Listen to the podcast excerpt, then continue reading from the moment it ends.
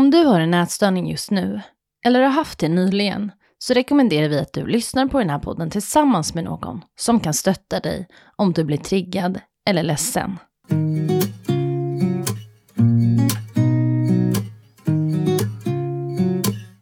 Då var vi tillbaka i studion igen. Mm. Mm. Vi märkte att det blev väldigt många frågor så vi delade upp det här avsnittet till två.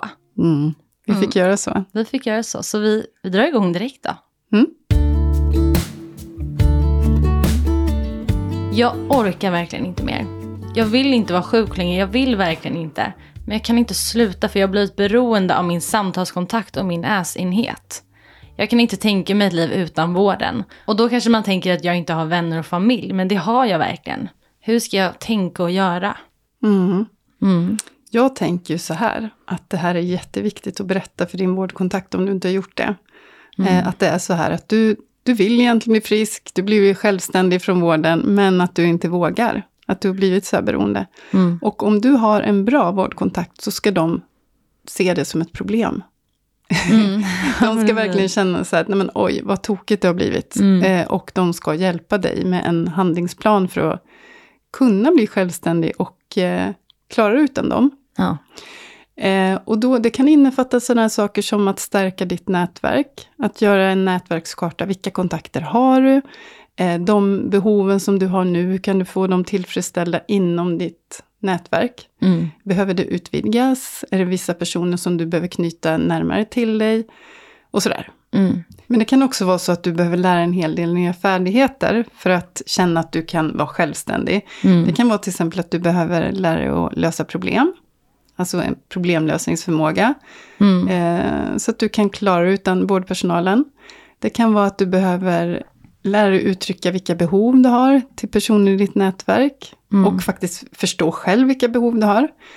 Eh, Det kan också vara så att du behöver lära dig mer om känsloreglering. Hur du ska liksom hantera svåra känslor på egen hand utan att behöva ta det med personal. Mm. Och tänker jag också ofta är väldigt viktigt att lära sig att eh, skapa trygghet för sig själv och trösta sig själv och lugna ner sig själv. Mm. Utan att man måste ha någon annan eh, som hjälper till. Ja. För det behöver man klara som en vuxen för att kunna Mm. vara självständig. Sen är vi beroende av andra människor. Mm. Men det ska ju egentligen inte vara vårdpersonal. Utan Nej. man ska som vuxen klara sig själv eh, med många delar. Men också sitt nätverk. Mm. Men sen finns det ju också de som behöver, alltså att man faktiskt har funktionsnedsättningar som är över tid, kanske hela livet, som behöver hjälp. Mm. Men ofta ska ju det inte vara kanske på ätstörningsenheten Nej. resten av livet. Mm. Ja, vad tänker du kring det här? Nej, men jag tänker att vi, du och jag har dels pratat om det här att, Mm. att ens behandlare kan bli väldigt viktig för en. Eh, och det har jag hört också från medpatienter och sådär, så här, gud, min behandlare betyder så mycket för mig. Mm. Så man blir liksom lite uppslukad av det. Eh, men då tror jag att det är viktigt att känna till att det är ganska vanligt och Mm. att samtalsterapeuter känner till det här. Att, för det är en helt annan situation än i det vardagliga livet. Mm. Du är center of attention, det är 100% fokus på dig. Så det är en helt annan maktbalans än vad man möter någon annanstans i livet. Mm. Eh, Så jag tror att om man är medveten om det, att de som arbetar med det här också känner till det, då kan det vara ganska mycket lättare att ta det här steget att berätta Mm. hur det ligger till. Mm. Man känner sig lite bunden till vården. Mm. Ja, då tar vi nästa fråga här. Jag har en kompis som berättade att hon är sjuk i en ätstörning. Jag ser det på henne att hon har gått ner massa. Jag är också sjuk i en ätstörning och tycker att det blir väldigt jobbigt att höra när hon berättar massa om hennes tankar. Till exempel, jag önskar att jag bara kunde unna mig något gott men min hjärna säger nej. Ingen vet att hon är sjuk och ingen vet att jag är sjuk. Vad kan jag säga till henne? Vad kan jag göra? Mm. Mm. Jag tänker så här att den här personen behöver fråga, prata med sin kompis. Ja. Kanske säga ungefär det hon skriver i, i frågan här. Mm. Berätta om vad, hur hennes problematik ser ut och hur det blir för henne när ja, det kommer upp sådana här frågor och hur det, Mm. det påverkar henne att hon ser kompisen gå ner i vikt och sådär. Så Ja. att det blir tydligt och så att de får göra upp en liten, nu pratar jag mycket om planer här, de får göra upp en plan, hur ska de göra för att Mm. kunna fortsätta umgås, trots Mm. att båda har den här problematiken, så att de inte försvårar för varandra. Mm. Eller gör att de blir sjukare tillsammans på något sätt. För det är ju tyvärr så att ätstörningar smittar. Eller kan smitta. Mm. Mm. Kan smitta. Mm. Eh, och om det är så att de, det inte fungerar, Mm. de får väl utvärdera efter ett tag, efter några veckor. Och fungerar det inte, så kan det faktiskt vara så att man behöver ha uppehåll i relationen. Mm. Och det får man ha. Vänskapsrelationen går upp och ner och man är nära och så lite längre ifrån och så nära igen. Det är helt Mm. okej. Många ser en vänskapsrelation som antingen på eller av. Men så är det ju inte, utan man kan komma och gå. Mm. Eh, och det är jättebra då om man är öppen och ärlig med det. Mm. Så blir ingen sårad. Nej, precis. Och sen tänker jag, nu, nu tror jag faktiskt att det här är ett barn. Att det är en Mm. yngre tjej. Mm. Ehm, så jag tänker att om ingen heller vet om hennes problematik eller kompisens problematik. Mm. Man, jag tror som barn ska man aldrig känna att man har ett ansvar för att ta tag i någon annans problem eller berätta för någon. Men känner man att man har det behovet att så här, någon måste få veta, då ska man veta att då är det bra att prata med någon, skolkuratorn eller någon lärare eller någon vuxen man litar på så att de vuxna får ta över det ansvaret och veta om och hjälpa den personen. Mm. Och sen också som vi pratade i podden, där har vi lite tips om hur man kan berätta för andra om man själv vill berätta om sin problematik. För det är ju viktigt att ta tag i det. Absolut. Mm. Yes, då kommer en liten, ganska lång fråga här. Jag känner mer och mer hur jag får riktig ångest över vissa måltider och det enda jag tänker på är vilken tid, vad och hur jag ska äta varje dag. Det blir bara värre och värre hela tiden. Jag är normalviktig och alltid varit, men jag slutade ju nyss på gymnastik efter flera år och fick sen panik att jag måste röra mig. Samtidigt har min bästa vän gått ut på ett skämtsamt sätt på sociala medier och berättat om att hon har en ätstörning. Men hon har ingen aning om att det triggar mig och att jag också har problem med maten. Jag är rädd att detta ska bli värre. Jag har också en pojkvän och han har sagt vissa kommentarer om mig som fått mig att tänka mer på mat och så vidare. Jag vet inte om jag ska berätta för honom om mitt problem, för ingen runt, runt omkring mig vet om det. Jag vill bara fråga, vad ska jag göra? Mm. Mm. Jag tänker så här, att hon ska berätta för någon som hon har förtroende för. Mm. Om det är pojkvännen, eh, kan det vara. Ja. Om hon tror att han kan hantera det på ett bra sätt. Mm. Eh, annars kan man börja och öva med någon annan som man känner att, som vill en väl och som man känner att ja, men den här personen kommer kunna ta det utan att bli för arg eller ledsen eller Mm. upprörd. Men berätta för någon så att du får sätta ord på allting som du bär på. Mm. Eh, och känner du att du inte har någon i din närhet så kontakta Frisk och Fri och be Mm. att få prata med någon där. Eller, men jag, jag tycker verkligen hon ska berätta med någon, eller för någon, och kanske flera på sikt. Ja. och sen försöka få hjälp. Mm. Vad Och jag- tänker du? Nej men jag tänker att den här, om, om den här pojkvännen då som ger kommentarer. Mm. Ehm, det går lite tillbaka till en fråga vi hade tidigare. Om vad ska jag säga när folk runt omkring mig. Och det här är väl på något sätt ett praktexempel ändå att i en sån här nära relation Mm. så är det väl viktigt att ta upp det. Man kanske inte behöver säga att jag har en ätstörning då om man inte vill börja i den. Men att Mm. säga de där kommentarerna, jag tycker att det är jobbigt. Mm. För i sådana nära relationer, där måste man verkligen kunna liksom säga ifrån. Mm. Om man inte tycker det känns okej. Och Ja. påverkar en så här negativt dessutom. Annars blir det för jobbigt att umgås. Liksom. Och så blir man Mm. rädd för att umgås med sin partner som man ju ska känna sig trygg och bekväm med. Ja. Och sen tänker jag om man bara tittar på kompisen då som med sociala medier. Mm. Ja, det finns ju ett alternativ som kanske är ganska tråkigt och det är ju att sluta titta på den kompisens konto. Och det är ju väldigt så här, Mm. ja, det är kanske inte så lätt, det kanske inte jag heller hade liksom kunnat göra bara sådär, för man, det är ju ändå ens kompis. Mm. Men där finns ju också alternativ att sen längre fram kanske våga berätta och säga att när du pratar så här om det så blir det jobbigt för mig när du Mm. skämtar lite om det som det verkar som. Mm. Okej, här kommer en till fråga och den har jag verkligen fått eh, ja, men, reducera lite. Men summa summarum så är det en tjej som skriver att hon har en syster och är väldigt orolig för sin syster som lider av bulimi. Det är ett års väntetid till behandling för hennes syster och hon vill liksom försöka göra något. Eh, och så hon skriver så här. Kan jag dela denna podd med henne eller skulle det kunna vara triggande? Alltså är det mer för oss närstående eller kan man skicka den till henne för att hjälpa henne på något vis? Eh, ja, det här är också då en klurig fråga som man inte bara Mm. kan ge rakt svar på. Nej. Eh, vi vet ju, att, och vi har fått höra att den här podden har varit till hjälp för många. Mm, Både drabbade, anhöriga och ja, de som jobbar med det här. mm, Eh, och samtidigt så vet vi att det finns de som har blivit triggade och Mm. sådana som kommer bli triggade. Det är det som är så svårt när man gör någonting om ätstörningar. Ja. Så är det personer som blir triggade. Jag har ju till exempel skrivit en, en bok, en självhjälpsbok. Mm. Och det finns ju de som blir triggade av den och ledsna och sårade av att läsa den. Ja. Eh, samtidigt som den är till hjälp för jättemånga. Ja. Så, så är det.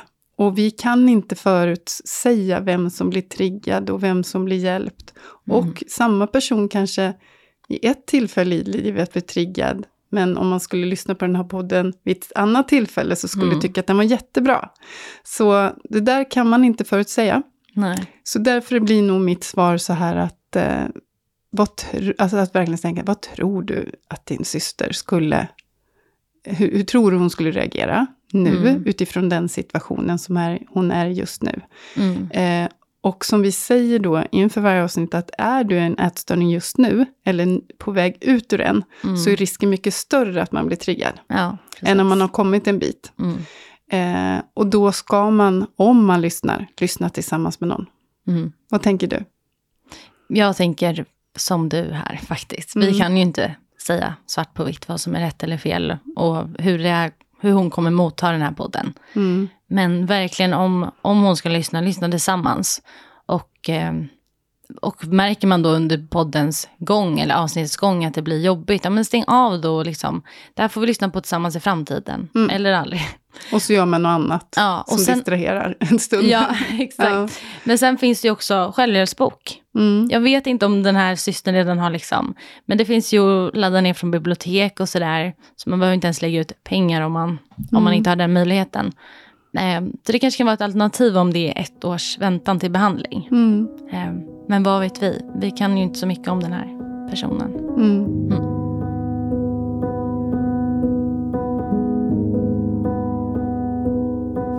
Ja, då kommer nästa fråga här. Jag är sjuk i något som verkar skifta mellan atypisk anorexi och bulimi. Jag äter i princip likadan mat hela tiden. Men om jag då kanske på en helg äter extra i form av till exempel chips, kakor och alkohol eh, kan jag få väldigt ont i kroppen nästkommande dagar. Jag blir liksom öm och det gör ont när jag vidrör min kropp. Ibland sitter det i en dag, men om jag ätit mycket kan det sitta i upp till tre dagar. Det som ömmas på ställen med mer fett, till exempel magen och sidorna. Jag undrar därför om ni vet vad detta är eller om ni har hört om det förut.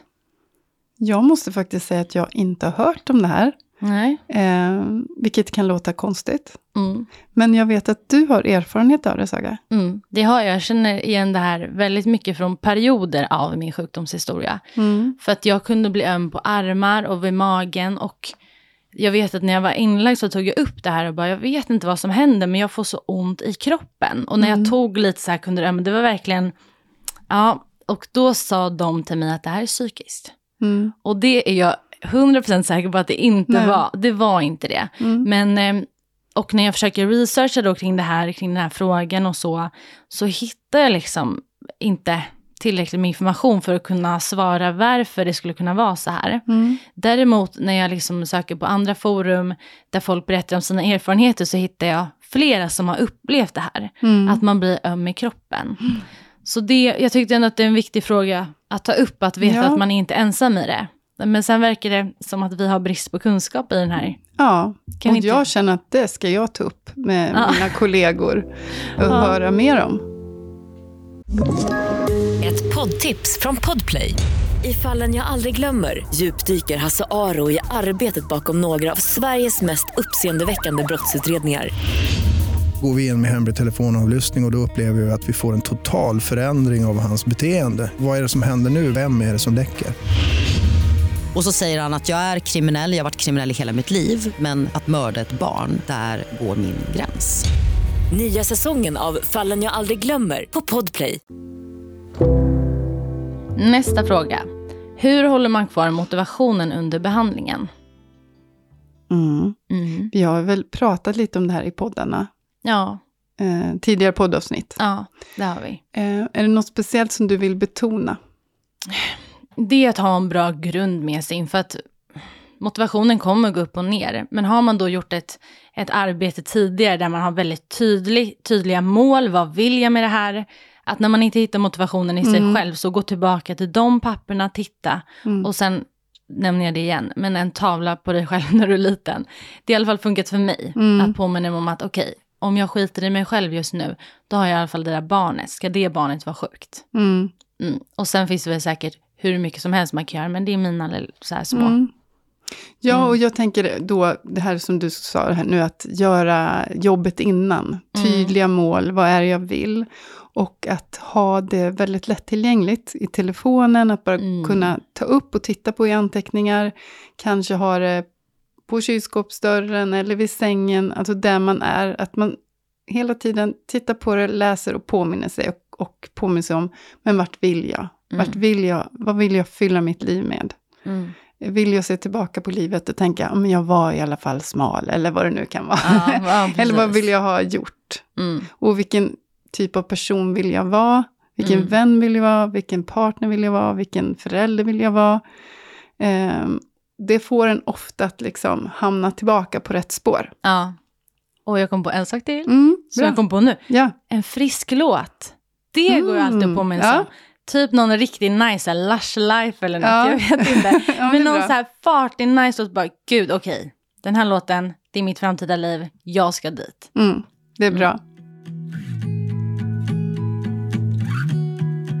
Ja, då tar vi nästa fråga, den lyder så här. Jag mår bättre när jag är sjuk i anorexi än vad jag gör i mitt friska liv. Varför ska jag då bli frisk? Ja, det kan Mm. man faktiskt verkligen fråga sig. Ja. Eh, Men jag tänker så här, att om det är så, så har man inte blivit helt frisk. Mm. Eller man har i alla fall inte fått hjälp med alla sina problem. Mm. För det är ju så att för att bli helt frisk så är en förutsättning att man eh, är normalviktig. Mm. Eh, Och man kan vara normalviktig utan att bli frisk. Och då fortsätter Mm. man ju må dåligt. Ja. Eh, och anledningen till då, eller jag ser främst två anledningar till att varför man inte mår bättre när man har nått en normalvikt. Och det Mm. ena är ju kanske då att man inte har fått hjälp med att fått lära sig under behandling hur man reglerar känslor. Mm. Om man är, en del är ju känslofobiker, man är Mm. jätterädd för starka negativa känslor. Och har man då inte parallellt fått lära sig hur hanterar jag dem? Om jag nu inte får springa som en tok eller Mm. banta eller Mm. kräkas eller hetsäta Mm. då har man ju inget sätt att hantera den där. Och det är klart att man mår Nej. sämre. Så därför så behöver man ju lära sig att reglera sina känslor. Och det kan ju också vara så att man då har eh, haft ätstörningen som ett sätt att hantera trauman. Mm. Man har varit i svält för att bli avstängd eller vara avstängd. Mm. Och sen så kommer man upp i vikt, hjärnan börjar fungera bättre, man är inte längre avstängd och så ploppar trauma upp och man mår jättedåligt av dem. Mm. Eh, och då är det klart att man mår sämre. Ja. Så då behöver man ju faktiskt hjälp med traumabearbetning i form av någon behandling. Just det. Eh, så att situation nummer ett. Mm. man har blivit normalviktig, men man har inte fått hjälp med att, eh, färdigheten att reglera sina känslor. Alternativt man har eh, obearbetade trauman som man behöver ta tag i. Just det. Och sen har vi ett annat scenario. Nummer Och det är då att man har fått hjälp med att återhämta vikten, men Mm. man har inte fått hjälp med det som driver ätstörningen då, som vi har tidigare pratat om, det här med övervärderingen av kroppsform, vikt och kanske också kontroll över matätande. Mm. Eh, för att är det så då att man går upp till normalvikt och sen så är hela problemet kvar, man har ångest över kroppen, man tycker det är Mm. jättejobbigt med vikten och eh, man vill fortfarande hålla alla regler kring mat och ätande och sådär Mm. då mår man inte bättre av att vara normalviktig. Utan då behöver man också hjälp med det.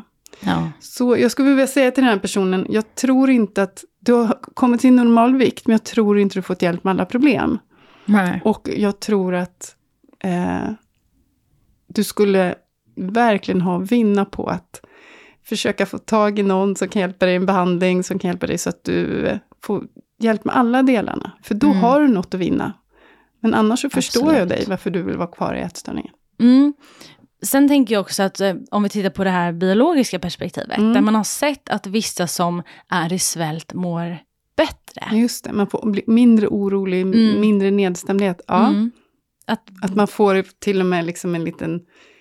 Man blir peppad, men man liksom Ja. mår bättre. ja, ja. Mm. Det känns ju viktigt att i alla fall lyfta det. ja, och har Mm. man det då, så är det klart att då blir det ju också svårare att tillfriskna. Ja. Men eh, ofta så, man mår ju ofta då bättre på, på kanske vissa sätt. Mm. Men i förlängningen så får man ändå problem med ångest och nedstämdhet och depression. Och det sliter ju väldigt mycket på kroppen. Ja. Så att även om det är så att nu man nu har de här generna som gör att man på vissa sätt mår bättre i svält, så, så i det stora hela så brukar man inte må bättre, Nej. skulle jag ändå vilja säga. Mm. Och så nästa fråga då. Vad tänker ni angående att vara vegan och vegetarian när man är sjuk i en ätstörning? Är det verkligen bara ett livsval eller är ätstörningen med i det här?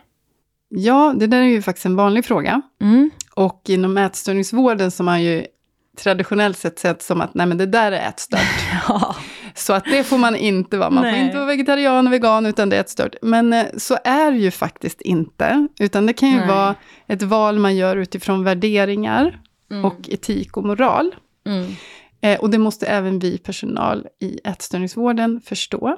Mm. Och dessutom så är det ju så att eh, i samhället i stort så är det så att vi behöver äta mer vegetariskt Mm. och veganskt. Så vi, man kan inte längre säga så här, nej det får man inte, det, det är fel. Nej. Däremot så tänker jag så här, att eh, man behöver själv, om man är sjuk i en ätstörning, fundera över, vad är det som är drivkraften? Ja. Är det faktiskt etik och moral och värderingar och kli- klimat och miljö och så vidare? Mm. Eh, och djurhållning och sånt där. Mm. Eller har det med min ätstörning att göra? Mm. Eh, och har det med ätstörning att göra, så kan det vara bra att öva sig i att bryta de kostreglerna och öva på att äta allt. Mm. Eh, för att sen när man är frisk kunna avgöra, men vad är det som jag faktiskt vill välja bort och inte? Mm. Eh, därför att det- är bra att när man jobbar med ätstörningsbehandling göra sig av med så många kostregler och rigida regler som möjligt och öva på att äta allt. Mm. Jag vet inte, vad tänker du? Jo, jag tänker att det låter väldigt rimligt. Och just idag är det ju väldigt, jag vet inte om modernt är rätt ord, men det är ju liksom, vi, vi pratar mer om miljö och djur och vi ser mer hur det ser ut. Mm. Så det finns ju en annan, kanske än vad det gjorde för 20 år sedan. Mm. Det ju, känns som att det är fler som är veganer och vegetarianer idag. Mm. Så det är klart att det måste, men som du säger, kritiskt, kritiskt granska sig själv. Varför gör jag det här? Mm. För jag vet att jag hade perioder då jag plockade bort vissa saker som var så här, nej men jag är vegetarian. Mm. Men och ja, jag kunde väl inte i början kanske sätta fingret på om det var ätstörningar eller om det var annat Mm. kring det. Men sen då när jag inledde liksom ordentligt behandlingen, gick in i det, då var jag så här, nu äter jag allt. Mm. Så får jag välja sen hur jag gör. Mm. Ehm, Jag tror ju att det är klokt att göra så. mm, Och en annan aspekt av det hela, det är att det är ju faktiskt fortfarande så att om man är vegan så är det svårt att få i sig tillräckligt. Mm, Det blir ofta B12-brist, järnbrist, Ja. eh, tror också D-vitaminbrist. mm, Och även för vegetarianer. Så det finns en fördel också med att faktiskt äta allsidigt under tillfrisknandefasen och särskilt om man har varit underviktig. mm. Det är lättare att återhämta vikt. Det är lättare att återställa liksom, så att man får, får näringsrik kost och, och Mm. ja, värden och sådär. Mm. Så att det finns fördelar med att us- just under tillfrisknandeperioden äta allsidigt. Mm. Och det här var sista avsnittet av podden Ätstörningar. I nuläget så kommer jag och Evelina ta en paus från poddandet då vi båda har ganska mycket saker på gång. Men vi vill verkligen tacka er alla. Tack för att ni har lyssnat och tack för att ni har ställt frågor och hört av er. Om du har en ätstörning, våga söka hjälp. Call it off. Let it go. All for nothing. I should have known. I've made mistakes, crashed and burned. So many chances, no time to learn. I need to find another way to make things right.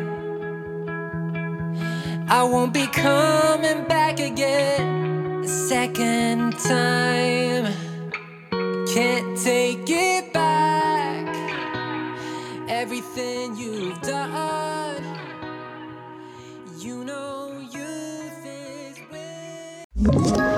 Ett poddtips från Podplay. I fallen jag aldrig glömmer djupdyker Hasse Aro i arbetet bakom några av Sveriges mest uppseendeväckande brottsutredningar. Går vi in med hemlig telefonavlyssning och, och då upplever vi att vi får en total förändring av hans beteende. Vad är det som händer nu? Vem är det som läcker? Och så säger han att jag är kriminell, jag har varit kriminell i hela mitt liv men att mörda ett barn, där går min gräns. Nya säsongen av Fallen jag aldrig glömmer på Podplay.